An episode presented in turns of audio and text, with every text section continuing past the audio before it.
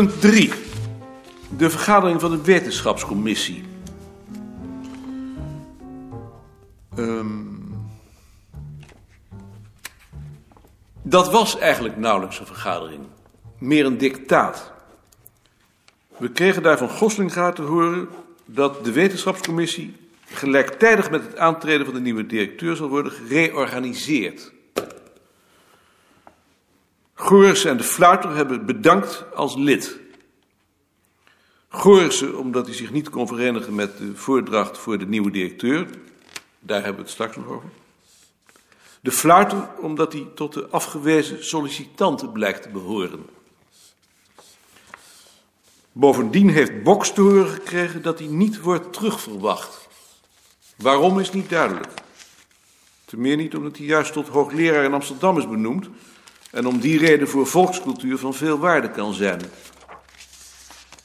In plaats van die drie zullen vijf nieuwe leden worden benoemd, maar niet meer zoals de vorige keren op voordracht van het instituut, maar op voordracht van Goslinga, Knottenbelt en één of twee leden uit het algemeen bestuur van het hoofdbureau.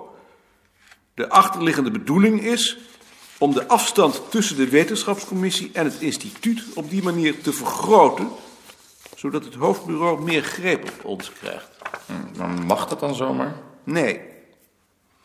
In het reglement van het instituut, dat door het hoofdbureau is goedgekeurd, staat in, in artikel 4 lid 1 dat bij een dergelijke voordracht het instituut gehoord moet worden. Ik heb Holtappel daarop gewezen. Hij zal het aan het bestuur overbrengen. Maar ik heb ze voor alle zekerheid ook nog maar een brief geschreven. Helpen zal het wel niet. Volgens mij is al lang beslist wie het gaan worden. Maar misschien helpt het voorkomen dat er in de toekomst steeds weer over ons heen gelopen wordt. Ik begrijp niet dat Goslinga en Knottenbelt zich daartoe lenen. Ik denk dat Goslinga zich overal toeleent. Bart. Is al bekend wie het worden? Nee. En je hebt ook geen vermoedens? Nee. Maar wat kunnen ze er nou voor belang bij hebben om de afstand tot het instituut te vergroten? Dat werkt toch alleen maar contraproductief? Misschien is het een van de manieren om het departement te laten zien dat ze de zaak hard aanpakken. Ik weet het niet. Nog iemand iets over dit onderwerp? Ja, ik vind het hoogst onbevredigend. En ik heb het gevoel dat we volkomen genegeerd worden. Ik ook. Hebben ze al geantwoord op die brief? Nee, maar dat kan ook niet, want het bestuur vergadert maar twee keer per maand. Nog iemand? Dan krijgen we nu punt 4, het verslag van Jeroen over de activiteiten van de selectiecommissie. Jeroen, gang. Ik hoop niet dat men van mij verwacht dat ik hier uitvoerig verslag uitbreng.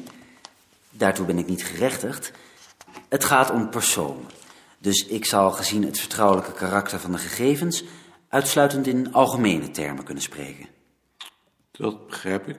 Maar misschien kun je zeggen hoe ver jullie nu zijn. We hebben afgelopen vrijdag een voordracht naar het bestuur gestuurd, waarop twee personen staan. Het is nu aan het bestuur om daar één uit te kiezen. En Goorissen? Ik dacht dat dat al bekend was. Wel, maar we willen het van jou horen. Gorissen heeft bedankt omdat hij zich met de voordracht van een van de twee kandidaten niet kon verenigen. Wie was dat dan? Daar kan ik geen mededeling over doen. Van de Marel. Wacht even, Koos. Hebben jullie geen ogenblik het gevoel gehad dat jullie voordracht door het uittreden van Gorissen onevenwichtig was geworden? Nee, want zijn opvattingen zijn in de toelichting bij de voordracht verwoord. Ik begrijp hier echt niks meer van. Deed het jullie dan helemaal niets? Jullie, je praat erover of Goris aan de hoek een boodschap is gaan doen. Natuurlijk deed het ons wel wat. Maar we waren nu eenmaal gehouden om onze opdracht tot een goed einde te brengen. Maar dan had je het oordeel van Gorissen toch ook wel wat zwaarder kunnen laten wegen? Gorissen was toch de enige van jullie drieën die beide kandidaten op hun vakkennis kon beoordelen? We hadden de opdracht een directeur te zoeken. Het ging niet uitsluitend om vakkennis. Dus Goslinga en jij vonden Huub geen goede directeur? Koos, Dat zeg ik niet. Ik heb gezegd dat ik niet over personen wil praten. chef? Is er nooit een ogenblik geweest waarop je je hebt afgevraagd of je het instituut nog wel vertegenwoordigde. En had je geen behoefte om dat te peilen? Ik heb van het instituut carte blanche gekregen. Het enige waaraan ik me gebonden voelde was de profielschets. Bovendien was mijn positie in het geval extra moeilijk... omdat een van de kandidaten een medewerker van het instituut was. Maar Goris is toch juist weggegaan omdat een van de twee kandidaten niet aan de profielschets beantwoordde? Niemand kan helemaal aan een profielschets beantwoorden. Dan vraag je een schaap met vijf poten. Hij is in ieder geval gepromoveerd. Bart, Ik heb nog niet begrepen of de kandidaten die nu op de voordracht staan... daar ex equo zijn geplaatst of in volgorde van voorkeur. in volgorde van voorkeur. Dan heb ik dat verkeerd begrepen. Ik dacht dat dat toch wel bekend was? Nee, althans niet bij mij. En wat is die volgorde dan? Dan zou ik over personen moeten praten. Maar daarvoor ben je hier toch? We mogen toch wel weten wie 1 en wie 2 staat? Ik kan alleen maar zeggen dat er twee kandidaten zijn. X en Y. Twee van de commissieleden waren voor kandidaat X. Van de Marel. En dan Y. Het derde lid was alleen voor Y met uitsluiting van X. Jullie moeten me maar niet eh, kwalijk nemen, maar ik kan dit niet langer aanhoren. Ik ben hier te veel bij betrokken, veel te veel. Het spijt me. Is er nog een vraag? Gert. Gert? Ja. Wie is Z? Dat is Flip. Z is al in een eerder stadium afgevallen. Als niemand meer een vraag heeft, dan wou ik hiermee de discussie afsluiten. Maar voordat iedereen weggaat, heb ik nog een opmerking. Zoals sommigen van jullie al gemerkt hebben, zal ik weinig gebruik maken van de directeurskamer. Wie mij nodig heeft, zal mij meestal kunnen vinden aan mijn eigen bureau of aan het bureau van Beerta in de zolderkamer. Maar dat betekent niet dat de kamer van de directeur nu een openbare telefooncel of een vergaderkamer is geworden. Wie van die kamer gebruik wil maken, voor welk doel dan ook, zal daarvoor eerst toestemming moeten vragen aan mij en bij mijn afwezigheid aan Huub of aan meneer De Rook. In die volgorde. Dan sluit ik nu het openbare gedeelte van de vergadering. Alleen de leden van de instituutsraad blijven.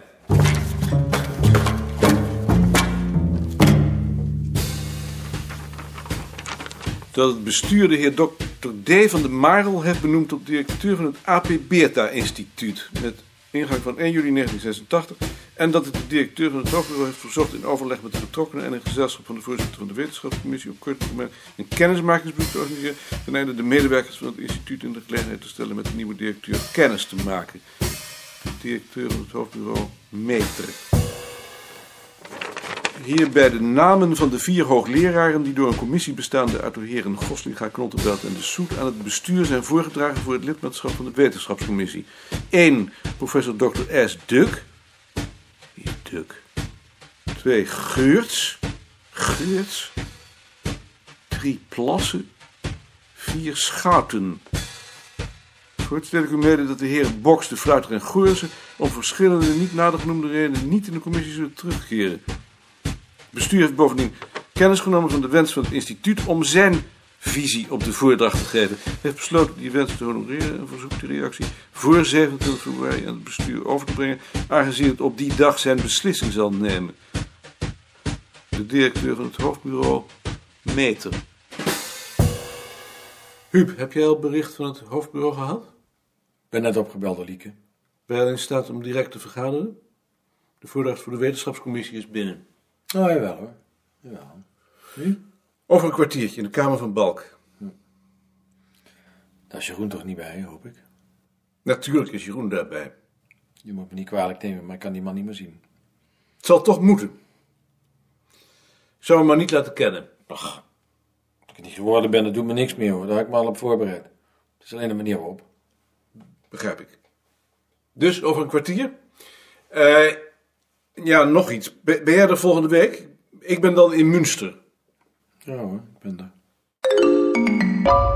Koos, Ja. ik wou over een kwartier in de Kamer van Balk praten over de voordracht voor de wetenschapscommissie. Met wie? Met Huub en Jeroen.